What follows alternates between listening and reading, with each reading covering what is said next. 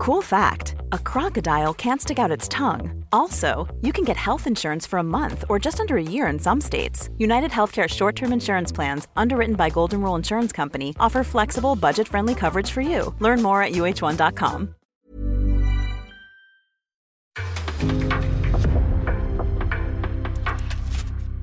En podcast från Aftonbladet.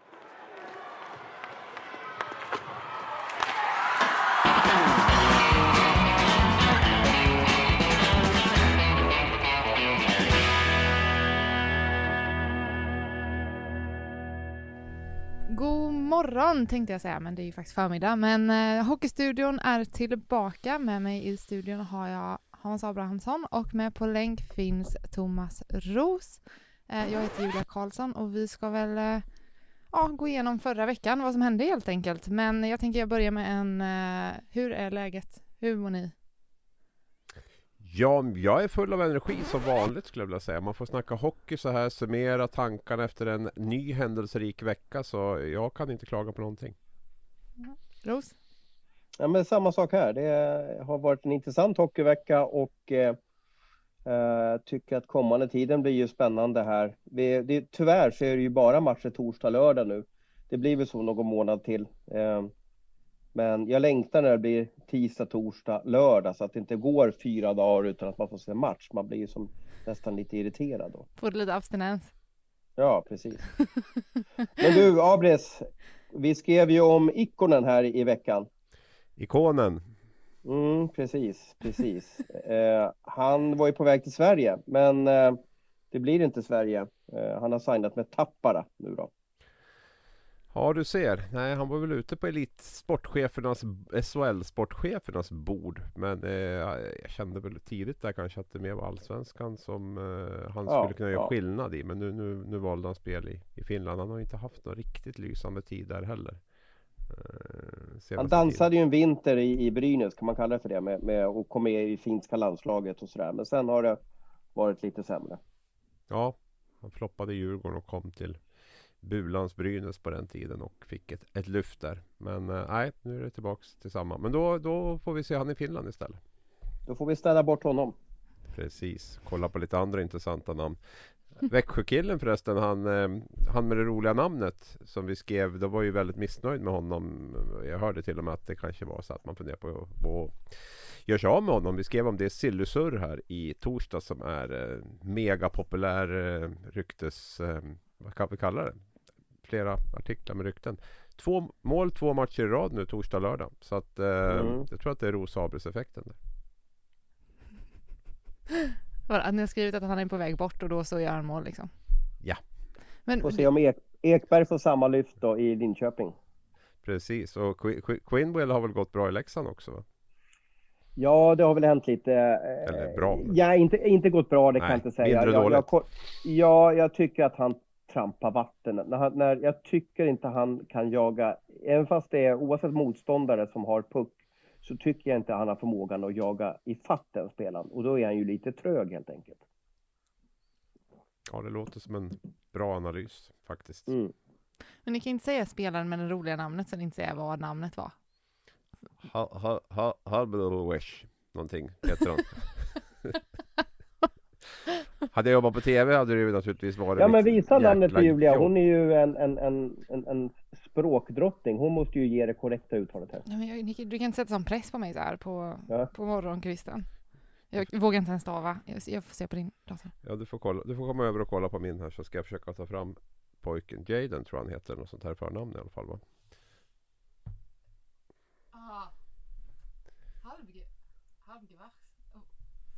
Vad är, han från? Kanada?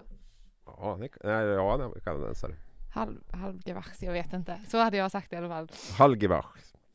Något sånt. Ja, han har i alla fall gjort två mål. jag, jag förstår varför ni försökte smyga undan namnet och inte säga det. Jag såg highlights från den matchen och kommentatorn där hade i alla fall klockrent uttal. Det lät i alla fall rätt. Så Ja, att jag jag, ska- ska, jag ska träna på det lite. Jag ska klippa in det så får vi höra hur det låter sen. Kjellman, Alkovacs, Emma Nackell, Blickfält på täckande Kepler och returen går i mål för Jaden Holkovacs. Jaden Holkovacs. Så vet alla det. Alla lyssnar i alla fall. Det är väl så Elite Prospect har väl den där tjänsten att man kan få uttalet också va? Jag har någon röstfunktion där på, på, på killen. Så att eh, ja, vi får, Okej. vi får ta fram den till nästa program. Vi får- Ja, ska vi gå vidare från saker vi inte vet, inte kan, till saker vi kan kanske? Ja, jag tror det. Eh, Då blir det ett ganska kort program. Försökte vara lite rolig där. det var det, hejdå. Um, nej men jag tänkte Ros, vi kan väl börja, ehm, eller jag vill ju börja med tröjhissningen som gick, eh, gick åt Mm. skogen. Eh, visst, var det du som var på plats Abris? Nej? Jag är alltid på plats där det är som he- Alltså Gävle har ju varit stormens öga den här hösten. Först var det ju Brendan Kinnemins uppmärksammade filmning. Sen var det de här SDHL-spelarna som stod i Örebroklacken. Ah, Och nu var det ju eh, den här vep, vephissningen. Måste säga det också att det är ingen tröja de hissar utan det är som en, en vepa kallas det för. Liksom Ah. en sån här stor eh, ja, banderoll liksom upp i, upp i taket. Eh, och vem var där om inte jag? Det, Så är att det är liksom det är, det är i Gävle det händer. det är så? Mm. Ja, den här Mm. hösten är det så faktiskt. Jag, har- jag har tänkt på det Abis, alltså sista 7-8 år, eller efter SM-finalen kanske där. Eller ja, efter 2013 kanske man kan säga.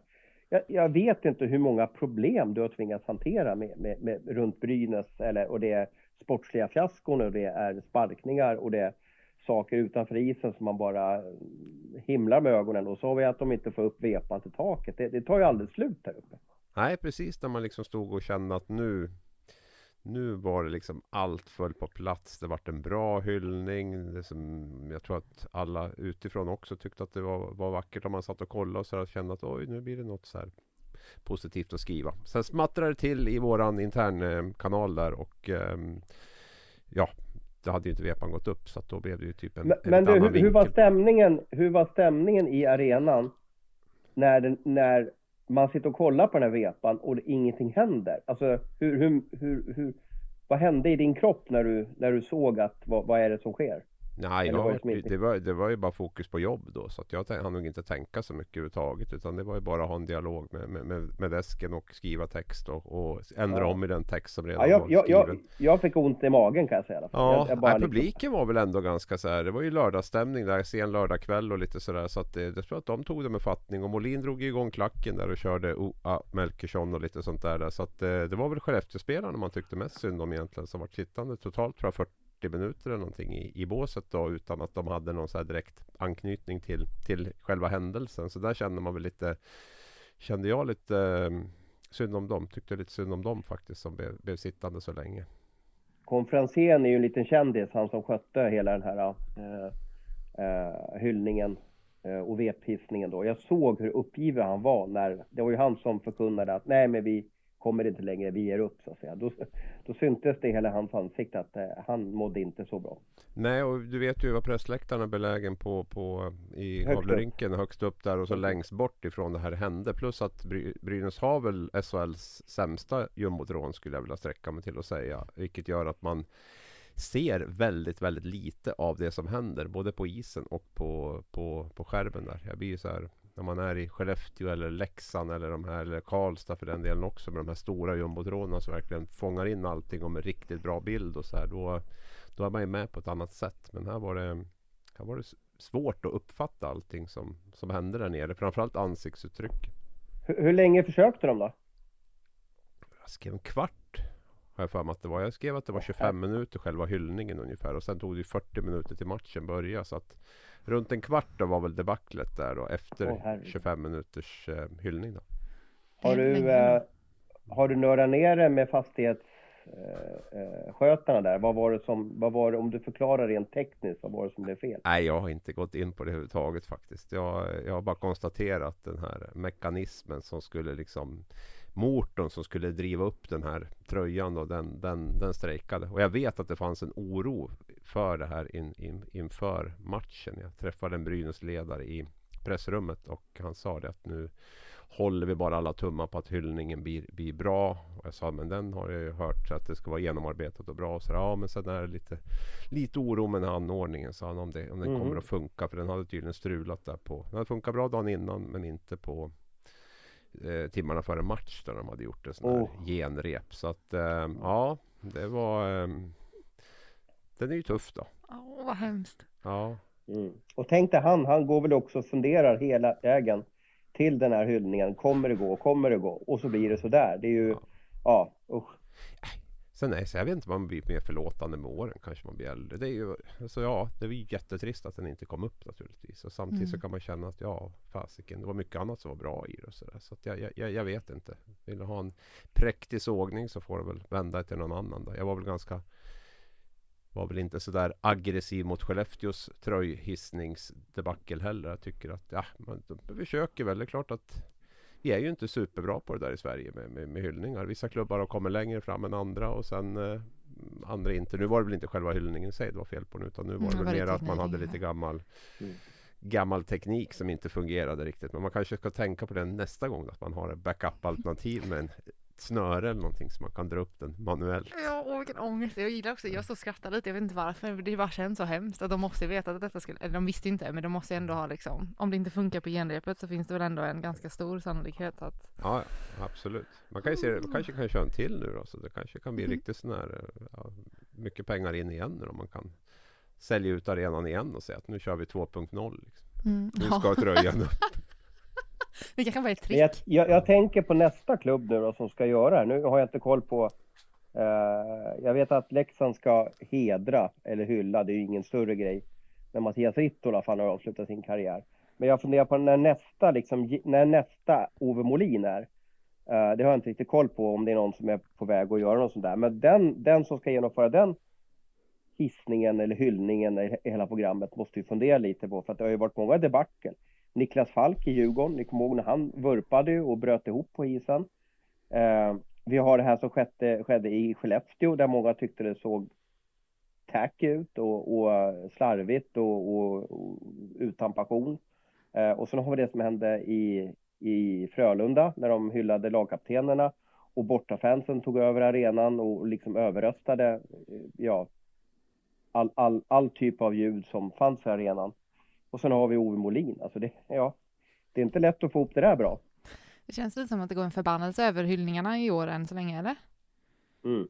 Falk var ju för några år sedan, men, men Ja, ja, ja. Det, är inte, det är inte lätt att få det. Det ska vara snyggt, det ska vara värdigt, det ska inte ta för mycket tid. Ja, eh, det ska liksom funka för, för alla inblandade. Ja, ja, jag vet inte. Vi får, eh, vi får se vem som kommer härnäst. Jag tycker att det ska bli ganska spännande att se om det är någon som lyckas få till någon bra. Eller inte. Det, var ju, det är ju mest du som varit kritisk tror jag ändå Ros, till alla hyllningar hittills om jag inte minns fel. Ja, men det är väl klart, alltså jag, jag kan inte, om de, de, de visste om det innan att det var något strul, då kan man ju också fundera på, alltså det är ju mer förlåtande om det inte kommer från någonstans, att alla genrep har gått bra. Mm. Eh, och det händer, då, då tycker man ju synd om dem. Och om de har haft lite misstankar om att hmm, ja, den här eh, elkontakten i den här motorn är ju lite svajig, så vi får se om det går. Eh, då får man ju köpa ny eller, eller lös problemet, preparera. Eh, man kan ju inte chansa med såna här grejer, så kan jag ju tycka. Nej. Tyckte ni de skötte det bra där eller inte? Alltså nu när det väl hände? Ja, det hände ju ingenting alls kan man väl säga. Så jag vet inte om men, men fram, fram till skulle jag vilja säga att det var en väldigt, väldigt bra, fin Ja. hyllning. Eh, bra tal av Ove Molin måste jag säga. Vi är väl eh, idrottsmän i Sverige generellt och hockeyspelare kanske i synnerhet är väl inte kanske allra bäst i världen på, på att hålla, hålla tal. David Mm. Petrosek vet jag höll ett jä- jäkligt bra tal. Jag tyckte Ove Molin gjorde det bra faktiskt och eh, tycker även att eh, ja, men det inleddes bra. Tal ordföranden, bra tal, inte för länge och sådär. Många hälsningar och så. Så att där, där tycker jag ändå att, eh, att man hade gjort det genomarbetat och, eh, och bra. Sen eh, hissningsdebaclet, det skötte man ju inte alls då kan man säga. För att det, det vart ju bara lyft av en där till slut. Men visst fick de upp det till slut sen ändå, alltså i, eh, i efter, efter matchen eller? Nej, det var Nej. så här. De hade, det här var ju jätteuppstyrt. Många av eh, Oves gamla hockeypolare var ju i arenan och jag fick någon lagbild där från, från en gemensam vän eh, och, och det var ju jättemånga fina brynäsare. De hade ju hyrt någon krog efteråt för att ha efterfest och då gjorde de en, ja, då var väl några kreativa själar där som, som eh, eh, ja, som, som hissade Oves tröja med lite, lite pampig musik och så. här. Så tröjan kom ju upp, men på, en, på efterfesten på en krog, inte i arenan. Då. Ah. Hur länge har vi pratat röjhissning nu? Ja, länge säkert. Vi kan gå vidare. Jag vet hur min mailkorg kommer att se ut efter det här programmet.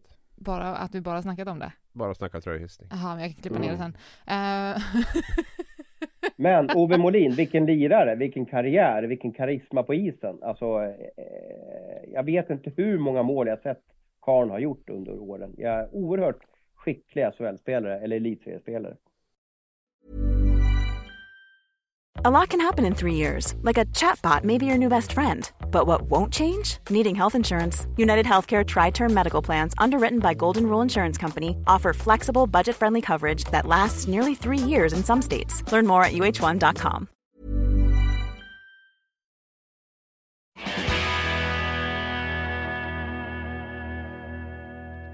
om vi vänder oss eh, matchmässigt då? Ja, var vill du börja? Jag tänker att du får ta, du får ta led här. Ja, vi kan väl börja. Ska vi, ska vi börja i Gävle lite kort då? Mm. Eh, så har ju Brynäs var ju lite, var ju lite ryggen mot väggen inför de här två matcherna mot Leksand och Skellefteå. Eh, det har ju knorrats en hel del eh, dels bland många experter, så kallade experter och eh, även inte minst bland de egna fansen. Så att det var lite det var lite ryggen mot väggen här. Man lyckas vinna båda matcherna. Så att eh, tillfälligt lite arbetsro i, i Gävle. Sen eh, är det ju en lång väg att vandra innan man, man är ett stabilt, stabilt eh, i tabellen SHL-lag. Men eh, ja, det var två viktiga segrar i alla fall och eh, dessutom inför i stort sett utsålda hus. Då. Så att det är ju det är alltid roligare för de som är där om hemmalaget vinner. Ja, såklart. Kul för Ove Molin Ja. också kan jag tänka mig. Jag fick ju en känsla av att de mötte ett ganska sargat Skellefteå också. Utan Möller och, och Lindström och de lånade väl in spelare från Hockeyettan tror jag var. Så att det var kanske lite rätt tillfälle att möta Skellefteå också. Absolut. Dessutom hade ju Skellefteå lite poäng till godo. Så att säga. Man har ju gått väldigt bra. Man, har gått, liksom, man ledde tabellen och kanske inte hade den här riktiga desperationen över, över sitt agerande. Plus att man har en ganska tunn trupp Skellefteå. Det har vi pratat om redan på, på förhand. Och det är klart att får du skador på Kyn, Hackel och framförallt då Möller och Lindström så då blir, det, då blir det tunt. Och det såg man också på, på uppställningen där på, på matchen. att ehm, Skellefteå är beroende av alla. Det är lika så här att Robban Olsson lär väl titta bort varenda gång Poda sig på isen typ för att hoppas att han inte går sönder. För det är forwardsidan tunn så är backsidan egentligen ännu tunn, tynnre. Heter det tynnre? Ännu tunnare. Tunnare. Tynnre, tunnare. eh, så att eh, det är ju Skellefteås akilleshäl. Eh, har man alla friska, alla hela så, så kommer man ju att eh, vara ett jättebra lag. Men man är väldigt sårbar. Och där vet jag att Erik Forsell letar ju annat än att låna in division 1-spelare. Vad jag hör så handlar det väl om upp till två forwards till som man vill ha in i, i truppen. Mm, är det någon Sen har ju Bry, Bry, Brynäs har ju lyckats enormt väl med, med den här värvningen av, av David Skleniska. Ser du så? Eller vad, hur uttalar du hans namn då? ja, det, Skleni, Sklen, Skleniska, är det så?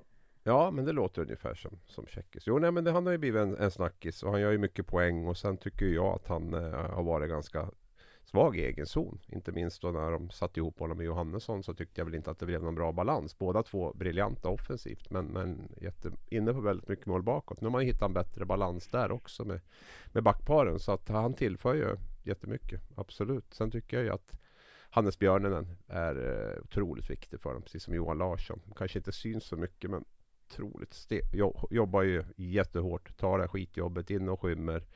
Eh, går i varje byte så det, det är en spelare de kommer att få väldigt mycket nytta av. Björnen. mm, men om vi går tillbaka till, eh, eh, oj, till Skellefteå lite där bara. Ehm, hur, hur pass snabbt måste de eh, förstärka truppen? Jag har inte hundra koll på Lindström Möller. Jag får ju för mig att det var lite så här säkerhetsåtgärd också. Man har ju tufft schema nu med CHL Mm. och allt vad det är för någonting. Så att jag tänker väl att det inte är så långvarigt. Sen har man väl Ja, både Linus Karlsson och Filip Roos då, borta i, i Nordamerika som man har haft vissa förhoppningar på att de kommer tillbaka. Eh, jag tror inte så mycket på Linus Karlsson men, men, men eh, kanske mer då på, på, på Filip Roos. Men eh, jag vet inte riktigt hur, hur länge man kan vänta där heller. Men eh, man har ju skaffat sig en poängbudget. Jag ska släppa in Roos här nu också för han har bra koll på killarna där borta. Ja, men jag tänkte just med Linus Karlsson där. Jag försöka ha ganska tät kontakt med, med eh, Patrik Alvin då, som jobbar för Vancouver Canucks. Och de, han säger till mig att nej, men vi vill ha kvar honom här borta. Eh, vi, han, han är så nära, eh, han och, och Åman, eh, Nils Åman, är ju så nära NHL nu så att de vill inte släppa tillbaka dem hem. Det, så där, när det gäller honom så tror jag att de kan sluta och, och drömma om det inte ska förändras något, något väldigt radikalt de här sista timmarna. Det är ju ikväll, i alla fall när vi bandar här på måndagen, som man stänger dörren, man låser eh, laguppställningarna. Så då får vi ju då får vi ju en liten dom hur det blir med, med de här spelarna som är kantbollar. Filip Roos däremot så, så är det väl kanske mer troligt att om han vill att han kommer hem. Då. Mm. Um, jag tänkte vi kunde traska neråt i tabellen kanske. Jag är, man, jag är lite sugen på att prata om HV såklart. Det känns ju lite som att det är där som varningsklockorna mest ringer, eller? Har jag helt fel? Nej, du har helt rätt. Sen kan ju det skifta väldigt mycket. Det var ju Linköping ja. där från början. Vi hade Brynäs här för ett tag sedan och nu är det ju definitivt HV som är i, i, i, i blickfånget när det gäller den här eh, krislagen som vi älskar att snacka om under hösten framför allt, men i stort sett under hela säsongen. Ja, men jag tänker för nu börjar vi komma, nu börjar vi ändå närma oss upp mot de här eh, tio första matcherna ju som, jag tror det var du som uh, sa det Ros va? Första gången. Mm, att precis, vi, vi börjar ändå så, så smått liksom uh, dra igång säsongen.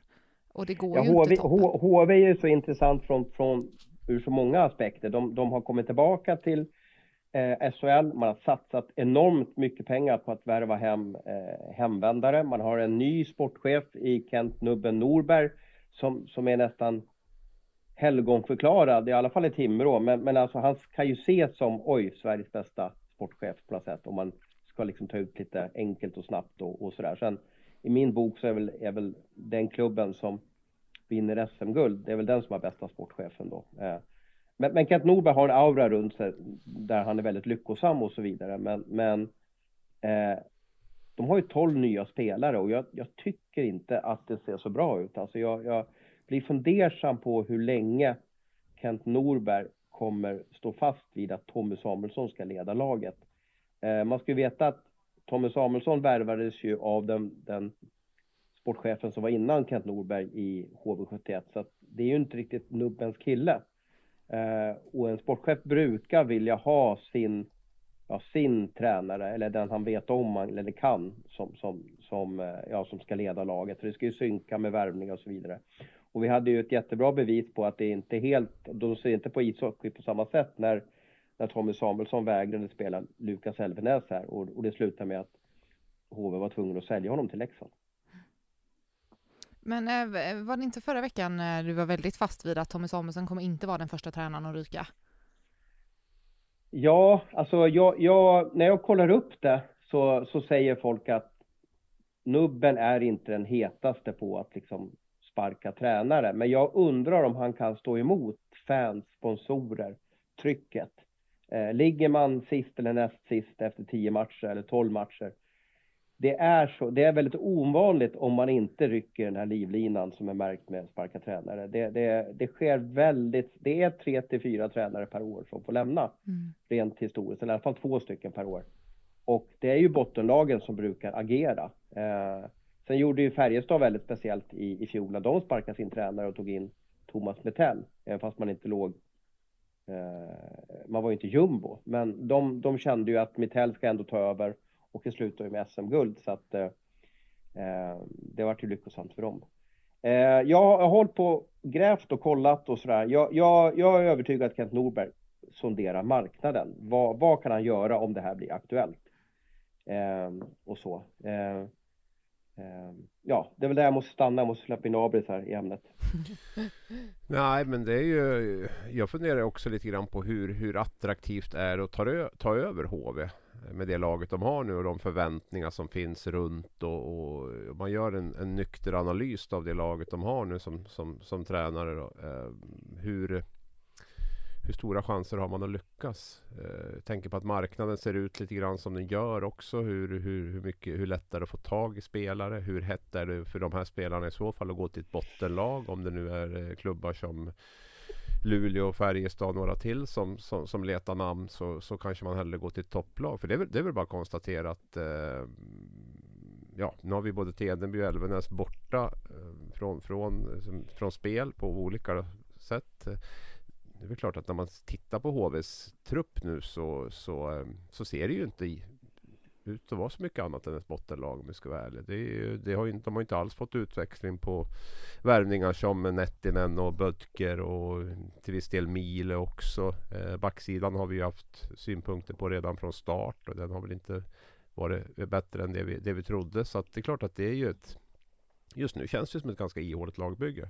Mm. Uh, samtidigt, ja, ny tränare kanske kan få bättre fart på de här eh, nyförvärven som har kommit in. Absolut kan det vara så. Eh, det behöver man ju få för jag tror inte man kan värva ihop ett helt nytt lag. Man testade ju lite grann förra gången man var illa ute och gick offensivt på att värva in spelare. Men eh, det blev ju bara, bara sämre egentligen. Eller i alla fall inget bättre. Så att eh, man bytte tränare också. Så att eh, Ja, jag tror man har med sig lite grann det också. Det man gjorde den, ja, för två säsonger sedan när man åkte ur också. Att det är, um, man lär nog jobba med det man har och försöka hitta exakt rätt värvningar att få in. Inte bara värva för värvandets skull utan då ska det vara spelare som verkligen tillför något.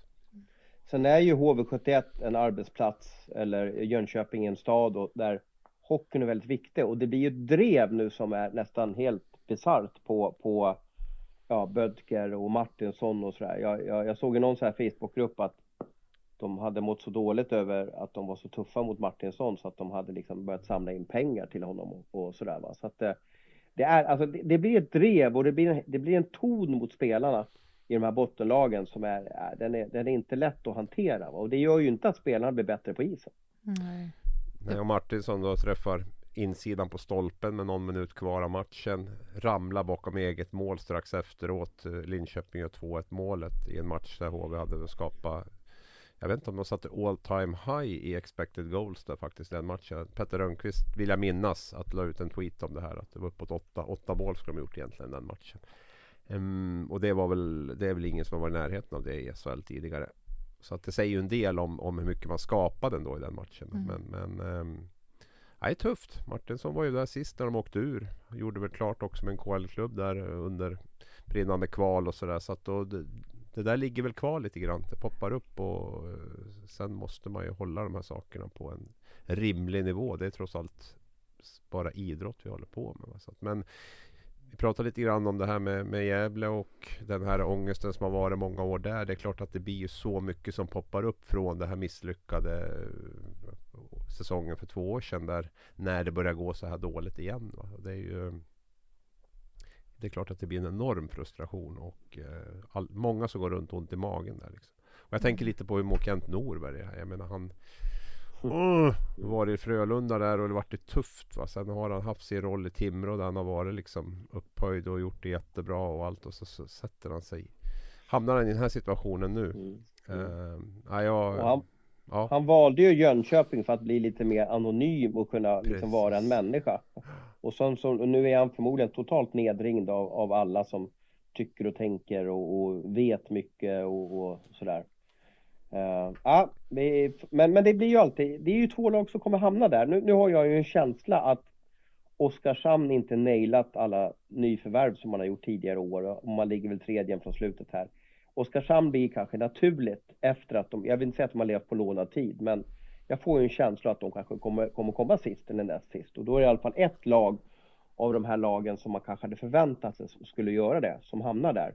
Malmö har ju inlett mycket bättre än vad, vad man eh, har trott, så att de kommer inte hamna där. Men, men det innebär ju att det blir jobbigt för de här topplagen. Nu är det ju Rögle och HV och, och, och sådär som ligger lite pyrt till. Eh, det, eh, man kanske behöver en balans i SHL så att något av de här givna bottenlagen då som man tror i alla fall då kanske också till slut hamnar där.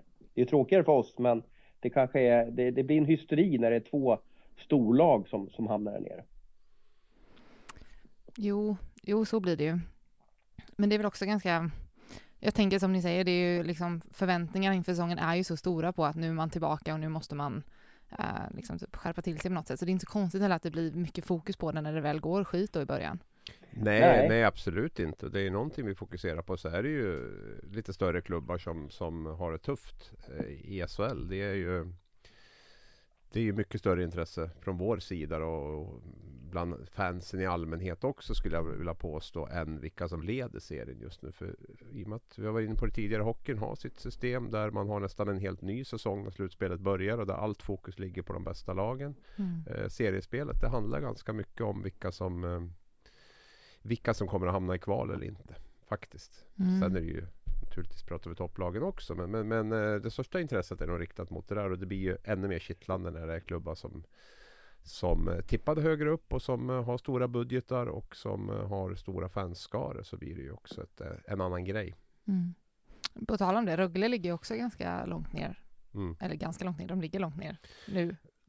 Ja absolut. Det och blir en de, är ju, ganska- ja, och de var väl tippade högre upp i tabellen än vad, än vad HV71 var. Så Mm. där finns det väl eh, all, all anledning till, till oro. Man har inte tagit en enda tre poängar på de fem senaste. Man har två poäng totalt. Och Rögle är ju, alltså det som har varit med Rögle är att man har ju liksom kört sitt sin linje. Man har, liksom, man har ersatt etablerade spelare som har lämnat med mindre etablerade spelare som har växt i Rögle.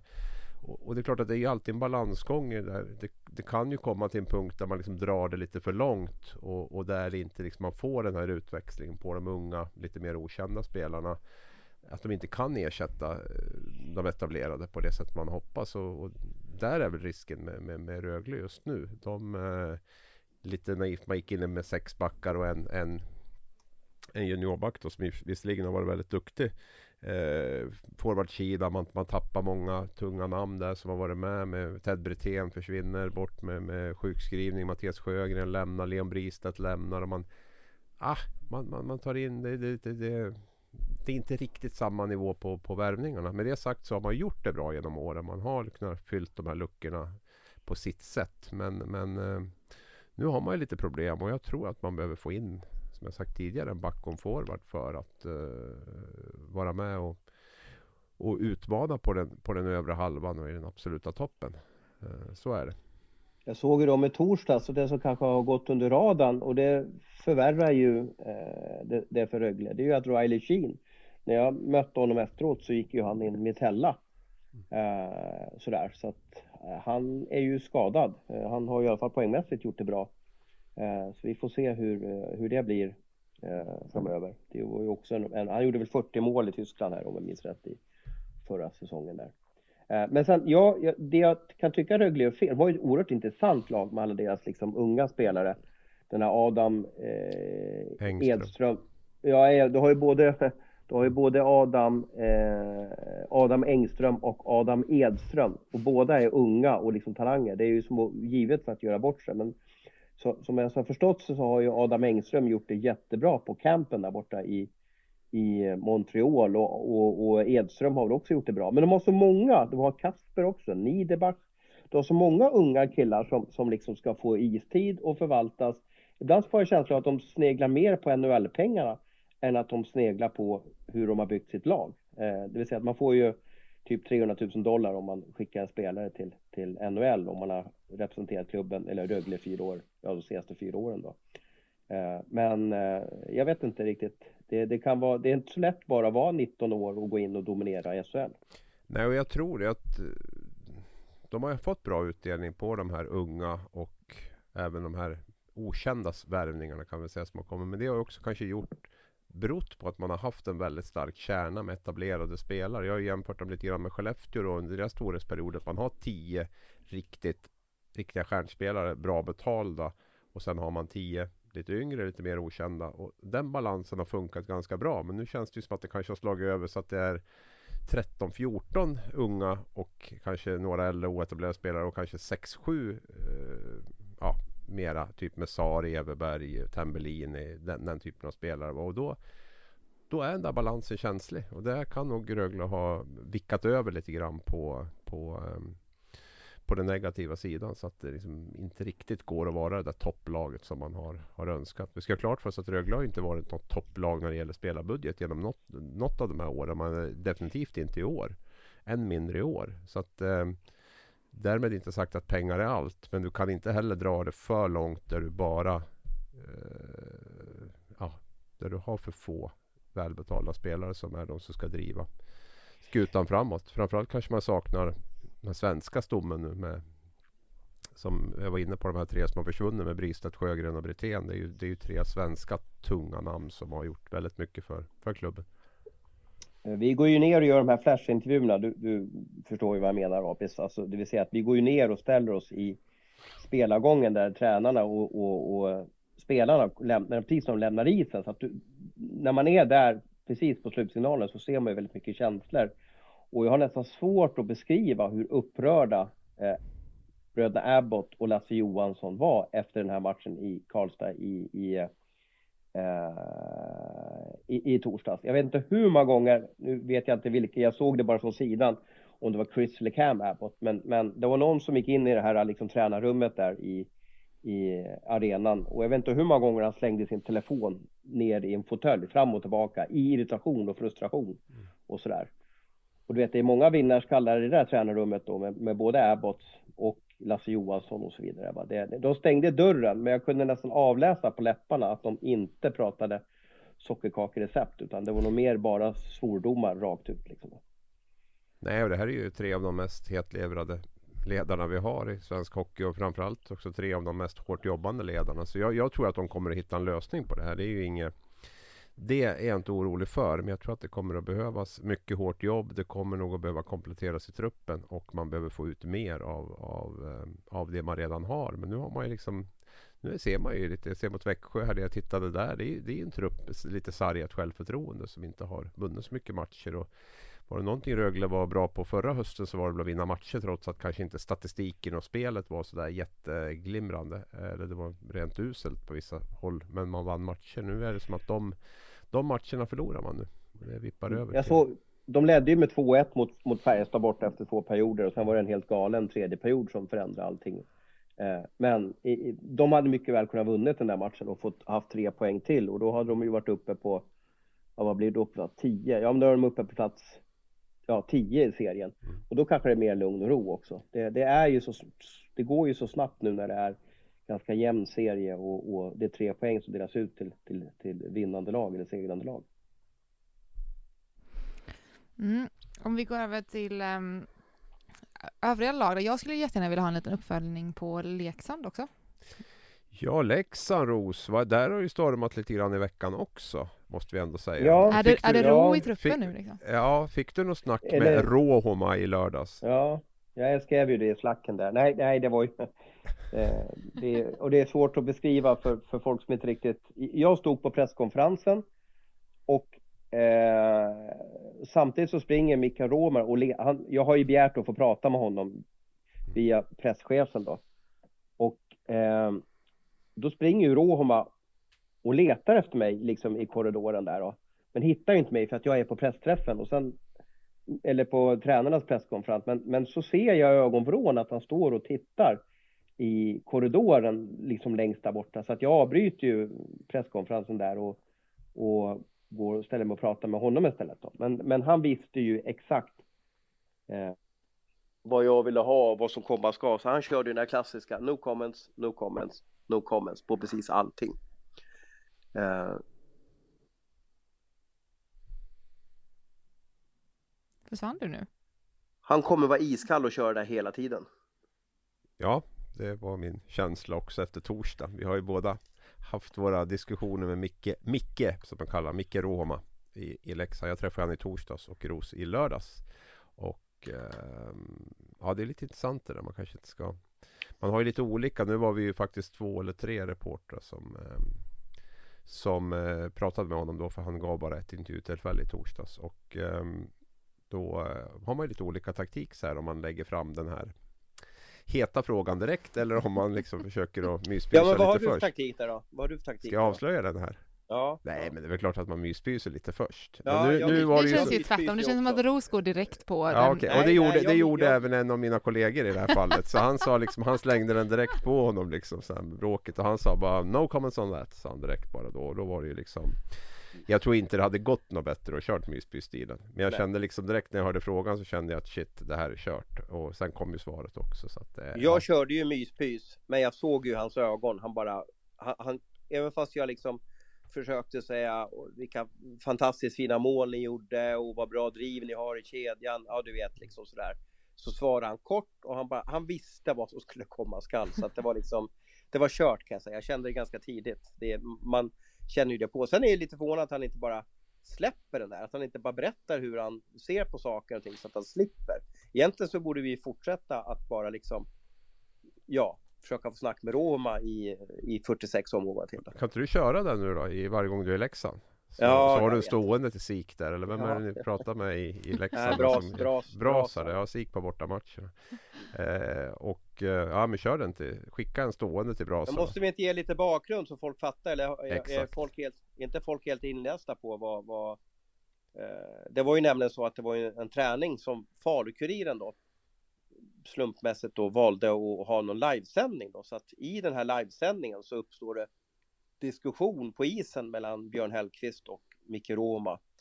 Uh, eh, och det slutar ju med att uh, toppcentern där skriker väl 'fuck you' och åker av isen. Då. Och, och bakgrunden var ju då att Roma var inte nöjd med verksamheten, typ. Uh, och ville ha prat med Björn om det uh, och sådär. Och Björn tyckte att det var han som ska bestämma när det är möte. Och då, då har man visst, som jag förstått det nu, för jag, så, som jag kollar runt så så där kan det funka på isen. Man kan säga fuck you till, till varandra. Det, det är liksom inte fel. Skulle jag säga fuck you till någon av er två eller mina chefer så skulle jag ju få en lavett och kanske nästan, det är kanske nästan skäl för, för uppsägning. Men, men hockeyn har lite andra regler och en annan liksom kutym och, och hur det funkar. Så att man har visst sådär högt i tak så att man kan ropa sådär eh, och så. Sen vart det väl olyckligt då om man ska ha Leksands ögon på sig, att, eller Leksands IF ögon på sig, att Falukuriren står och livesänder och, och liksom hör det här. Liksom. Ja, nej, den är ju, jag är bara fascinerad att man, jag vet inte hur mycket detaljer vi ska gå in i den här verksamheten, men, men att man tar den, vi vet ju lite vad, vad det var för typ av, av frågor han hade, men, men, men att man tar det ute på isen är ju lite, det, det känns som att det är ju en, det handlar ju inte om hockeymässiga grejer i första hand, utan det här var ju lite mer praktiskt runt liksom laget, om vi nu ska säga så då, och eh, att man då ska är så ivrig att ha den diskussionen då. För Hellkvist stod väl och snackade med Kemper. Där tror jag vi blev ganska överens. Och Ja, en diskussion ja. med honom va. Och då ska Roma absolut fram och, och börja diskutera verksamheten liksom under, under, på isen. Det kan man ju tycka att man kan göra kanske i tränarrummet eller någon annanstans. Så att, eh, jag vet inte, jag kanske hade dålig dag också. Det kan vara så. Folk kan Ja. ha dåliga dagar.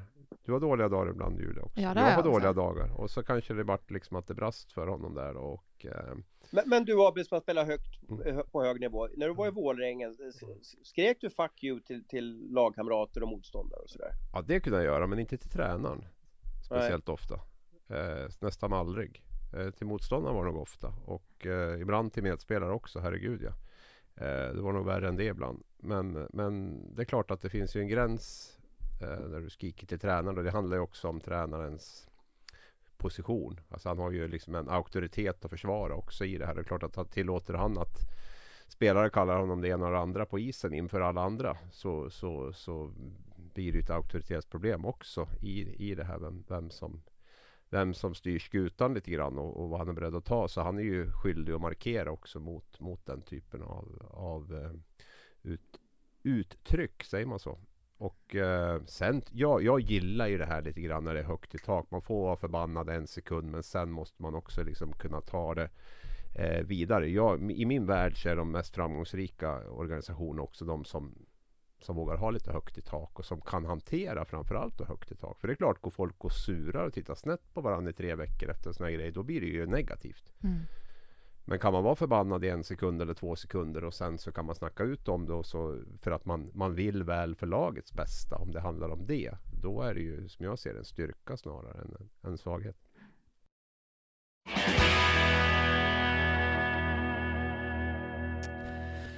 Men hörni, nu tänker jag så här, vi har pratat, eh, vi har pratat lite tröjsningar, vi har pratat lite bottenkrisigt. Eh, ehm, jag tänkte bara fråga er, vad, vad, har, ehm, vad har imponerat mest på er i veckan som gått? Är det några, finns det liksom några ljusglimtar? Nu känner jag att vi är nere i mörker och dramatik typ. Ja, jag, jag är ju löjligt förtjust i, i Riviks konstframspelning. måste Ah, jag nu tog du min grej! Ja, men slä, jag släpper den, jag släpper den då. Ja. Vi släpper den. Eh, jag gillar ju Marcus, alltså Marcus Högbergs match mot, mot, mot, mot HV71 var ju också helt fantastisk. Ja, jag tänkte på det innan, vi nämnde aldrig det när vi Nej. snackade om eh, HV Nej. nu. Eller, Nej. för att det var ju också, Marcus Högberg var också i sjuk form där i Linköping i Walter Olsson, hans agent, väldigt Ja. trevlig kille, ehm, skrev på Twitter att han hade inte sett sin ehm, klient så bra på tio år. Och jag tror att, Oj. jag skulle säga att Walter har nog sett det mesta. Vad tror du Thomas?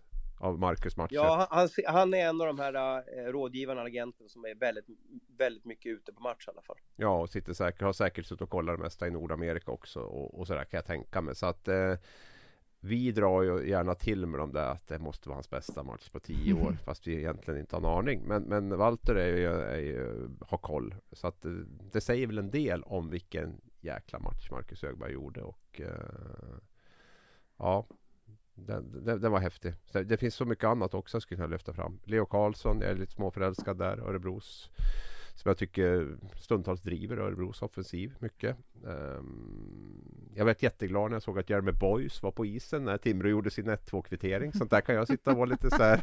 Han får väl inte så mycket speltid så liksom. Men, men fasiken när, de, när det, Timrå var illa ute där. Alltså, de, de har haft en tuff period. Låg under 0-2 hemma mot Örebro.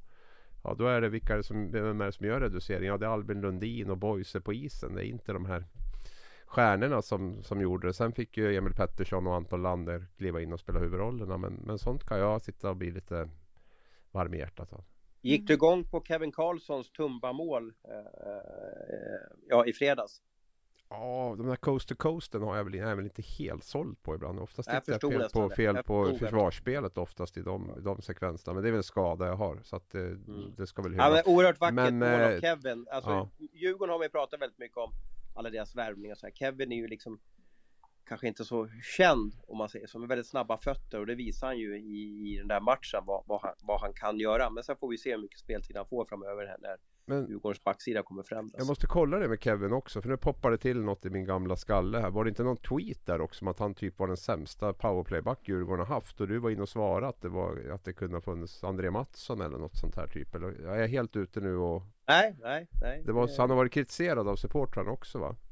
Ja men alltså du vet vad Djurgårdssupportrar de är om Mm. de förlorar borta mot Almtuna eh, Ja. och så vidare. Men, men eh, jag vill nog påstå att André Mattsson har jag fått från bra håll i, inom Djurgården där att Djurgården hade ett väldigt svagt lag något år där. Mm. Och då vet jag att André Mattsson spelade powerplay och det, det kanske inte är det första, jag vet inte vad du tänker på när jag tänker på André Mattsson men man kanske inte direkt tänker honom på powerplay eller? Nej, nej, där är vi överens. Men ta oss Ja. in på Rivik nu Thomas. Ja, ja, ja. ehm, jo, eh, du vet ju när man ser ett mål sådär snabbt i en arena. Det, det är svårt att hänga med. Hur gick det till? Hänger med? Man, man, man kan, gick skottet in mellan benen, under, under, under eh, armen eller vad, vad var det som skedde? Och det där var ju sånt där mål, liksom det gick ju oerhört snabbt allting. Så man fattade ju inte förrän gång tre som man såg det på jumbotronen. Det var ju då, det, det blev ju nästan mer jubel när målet visades för tredje gången, när, när, när publiken och media och alla vi som var där, när de fattade att han klackar fram den och inte liksom någon turklack utan allting är ju för det första så gör han ju allting i en hög fart men allt är ju med mening och då klackar han fram pucken i luften och till sig själv och precis, alltså nästan på halvvolley kan man säga slår en perfekt passning då till Carter Ashton då som trycker in eh, ja, pucken i öppet mål där.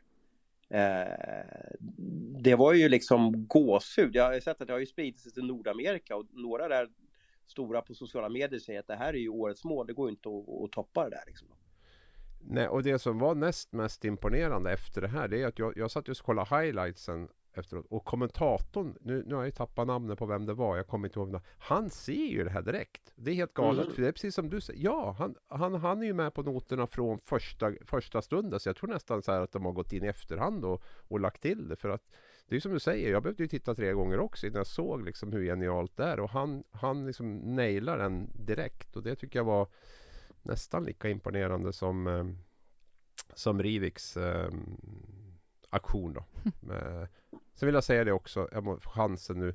Ungdomsledare, låt era hockeyspelare hålla på med bollsporter när de är unga. Det är jätte, jätteviktigt. Specialisera dem inte för tidigt utan de kommer att ha jättestor nytta av om de kan hantera en boll också, inte bara blir eh, Rivik hade ju hockeyrob- spelat fotboll hockeyrobotar. i, fotboll i unga år. De, Ja, men jag ser också backar idag som står på blålinjen med point i powerplay, hur de kan hantera pucken med fötterna och de här sakerna. Och inte minst så är det ju en poäng i att man har större, man tycker det är mycket roligare också sen med hockey. Man får eh, inte måste hålla på med det året runt sex dagar i veckan när man är 8, 9, 10 år. Utan låt dem, släpp dem loss, låt dem hålla på med bollen.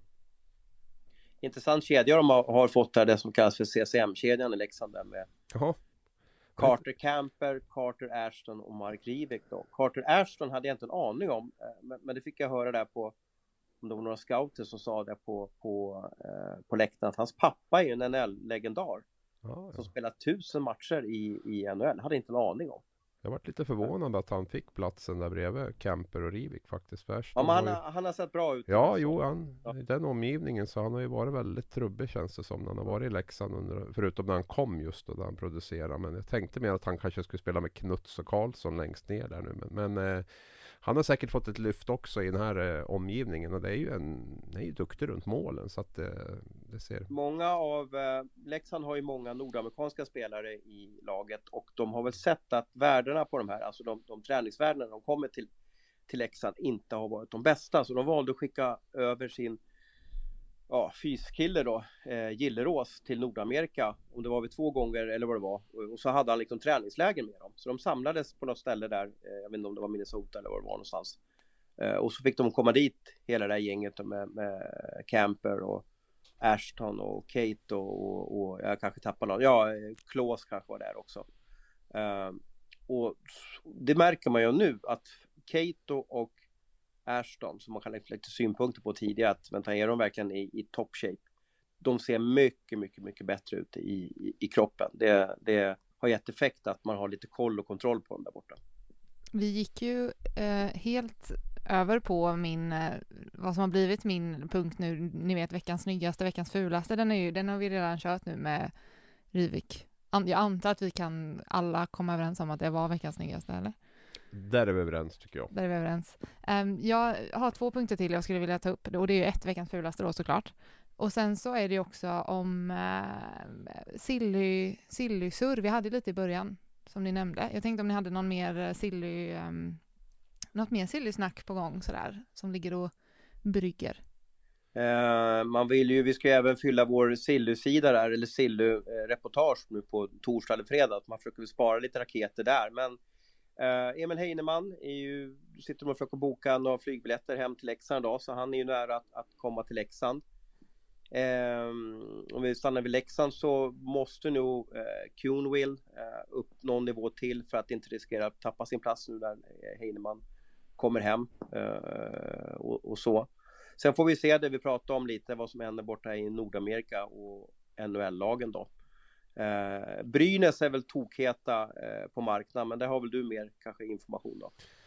Han har ju jagat en forward länge. Eh, sen får vi väl se. Det är ju våran, vi har ju skrivit om Michael Dalcolle i vår eh, silly, silly spalt tidigare och vad jag förstår så är det väl eh, på väg att hända något där snart nu. Det var en fyra, fem klubbar som var intresserade. Bland annat eh, HV vet jag var det på. Växjö, Brynäs har varit intresserade. Eh, Örebro säkert också där och hugger efter en forward av den kalibern. Så att eh, det är väl ett namn som jag tror kommer att landa snart i, i, eh, i någon av SHL-klubbarna. Det beror det väl lite på med de har problem med dollarn nu vet du. Det är dyrt som tusan Mm. att handla. Mm. Det har stigit 30 procent liksom på något år här bara. Och det, det, det faktiskt ställer till det för att ehm, det är inte så kul längre när det, när det ligger runt 11 spänn och eh, hålla på och, och, ehm, och köpa Och spelare. dollarn ställer till det åt ur flera aspekter också. Vi, vi säger exempelvis då att många lag drömmer ju om att kunna värva Max Verenor från San Jose då. Eh, men han har ju ett kontrakt som, som han, han är långt ifrån. Han fick inte ens följa med San Jose till när de var på sin Europaturné här. Så han, han är ganska långt från att ta en plats i NHL just nu. Men han är garanterad en lön på 400 000 dollar oavsett serie han spelar i. Och med det här dollarvärdet så blir ju det, det blir ju Ja, han, han, tjänar, han tjänar riktigt bra pengar där borta. De pengarna kommer han inte få i Sverige. Så varför, det får gärna någon förklara för mig. Varför ska han då bryta kontraktet där borta? Eh, han har det bra i, i San Jose och de har en ny arena och de reser hyfsat och så vidare. Varför ska han bryta det här kontraktet och komma till SHL och kanske spela för halva lönen? Det, den finns inte riktigt för mig. Nej, och sen det vi kan säga generellt är väl att ska det hända någonting så är det väl nu. Nu är ändå mm. campen avslutade, tryoutsen är avslutade framför allt. Det vill, man väl skilja på det också. Att det, det är skillnad på tryout-spelare som är, som är där under en kort period och kanske inte får ett nytt kontrakt. Vi har Viktor Rask till exempel, vi har Michael Dalcolle. Det finns flera. De är ju fria att lämna. De som skickas ner till AHL de tillhör ju en organisation. De har ju ett kontrakt. Det är ju som att en SHL-klubb äger en spelare och vill ha honom i Allsvenskan för att utvecklas där. Nu har vi ett annat system så det är en lite haltande jämförelse. Men det, det är ju inte bara att den spelaren bara kan, kan lämna och sticka till Nordamerika utan, och, och tvärtom här. Utan de, de, eh, NHL-klubben har ju planer för den här spelaren även om man inte tar plats i NHL just nu. Och behöver ju dessutom ha ett, ett AL-lag med, med, spelare. Så att det är inte bara att man kan sticka och dra utan det ska ju till mycket diskussioner där innan, innan det är ett faktum. Men, men vi har ju som sagt ett, ett, ett gäng tryout-spelare som, som inte har fått något uh, i i NHL och de eh, där är det ju egentligen bara Schweiz och, och SHL. I och med att om man har lite moral och, och hjärta så går man inte till KL. Nu kommer säkert någon göra det också men, men eh, och då är det klart att då är de ju högaktuella och Schweiz har ju sitt utlänningstak vilket SHL inte har så att där finns det ju begränsningar också. Mm. Då har ju det varit diskussioner häromdagen när Mattias Janmark då skickades ner till eh, farmaligan. Ibland så kan det ju bli en sån här förändring att man gör det på grund av att man vill komma under lönetaket. Men om vi pratar om Janmark då, för då börjar alla tänka åh, Janmark hade varit perfekt att få hem till oss. han har ju så kallat envägsavtal, det vill säga att han har samma lön oavsett liga han, han eh, spelar i. Så han tjänar ju då 1,2 miljoner dollar eh, även fast han spelar i NHL eller AHL eller East Coast eller handlar. Och, och med, med, den här dollarkursen som finns så är det en, en, en oerhört bra lön för att, för att spela hockey. Eh, och, och där finns det ju inte, varför ska han bryta, varför ska han bryta det här avtalet bara för att spela med Frölunda eller HV eh, för kanske en, en fjärdedel av, av den där lönen. Mm. Och sen så har vi sista punkten då. Som vi avslutar med, veckans fulaste antar jag. Också tack för sillisuret. Mm. Sätter oss ja. på halis här. Har du den Thomas? Tar du den på uppstuds? Ja, alltså jag, jag, jag såg att, att man är som gnällig gubbe här. Men, men jag är lite orolig för att det var ju någon rök, rökutveckling och HVs klack där och jag har lite svårt för sånt där, speciellt när det är en liten tajt arena och sådär. Var försiktiga eh, för att använda eh, rök inomhus. Det, det kan bli hiskliga effekter där. Eh, så så ge, ge oss en bra läktarkultur med mycket sång och så vidare. Men, men det som är vanligt förekommande på utomhusarenor i fotbollen med, med med eh, olika rök, rökeffekter. Det vill jag inte helst se i en hockeyarena. Nej, det var kloka ord. Mm, var eh, vi har väl väldigt haft väldigt eh, skonade också från, från, från mm. fula mm. tacklingar tycker jag så här långt också. Vilket är, är glädjande och så skönt att slippa sitta och prata om dem jag vill också ta upp det här med, med divingar att jag har ju sett en förändring den här veckan från domarna. Mm. Jag tror att man har köpt Mitell-spåret ganska rakt av faktiskt. Där man dömer ut betydligt fler divingutvisningar på isen. Man släpper fler situationer där man misstänker att diving är är eh, orsaken till att de ramlar och, eh, och så vidare. Så att jag, jag, tror att det är en bättre väg att gå än att hålla på med de här 5000 kronors straffen som jag tycker blir småtöntiga faktiskt och mm. som inte gynnar någon egentligen heller. Liksom, utan det är, eh, jag, jag, tror att det är, det är rätt väg att gå. Sen kan man alltid diskutera vissa divingar alltså som man har dömt ut om det verkligen var diving. Men, men man kan ju också vända det som att man, det finns ju trippingar som man har dömt ut som kanske inte var tripping heller. Va? Och, eh, jag tror man ska avdramatisera det lite för att komma till, till rätta med det. Mm. Väldigt skönt att vi slapp eh, spendera mycket tid på att prata om det idag, måste jag säga. Um, och med det tänker jag att det är väl dags att stänga ner om, inte ni, uh, om det inte är något ni liksom verkligen, verkligen känner att ni inte fick prata om. Ändå... Vilken match ser du fram emot den här veckan då? Jag? Jag kan säga vilken ja, jag ser fram emot. Det är båda två. Ni får ta, är det någon hockeyhändelse som ni... Julia får ta först. Rögle och HV såklart. Ja, det var den, jag tror alla är väldigt nyfikna på den matchen. det tror jag också. Mm. Sen tycker jag att det, det blir final på på repris på SM-finalen. Luleå och Färjestad. Mm. Så det är ju, men som vi har varit inne på tidigare bottenstriden lockar mer än toppstriden just nu på många håll. Den så, gör att, det. Eh, så jag är beredd att köpa ert val där faktiskt och er motivering också. Och med det så tänker jag att eh, det är dags att stänga ner. Tack eh, Thomas Ros, tack Hans Abrahamsson. Abrahamsson. Tack till alla er som har lyssnat och eh, frågor, åsikter, kommentarer, mejla gärna till någon av oss. Eh, och sen hörs vi igen om en vecka.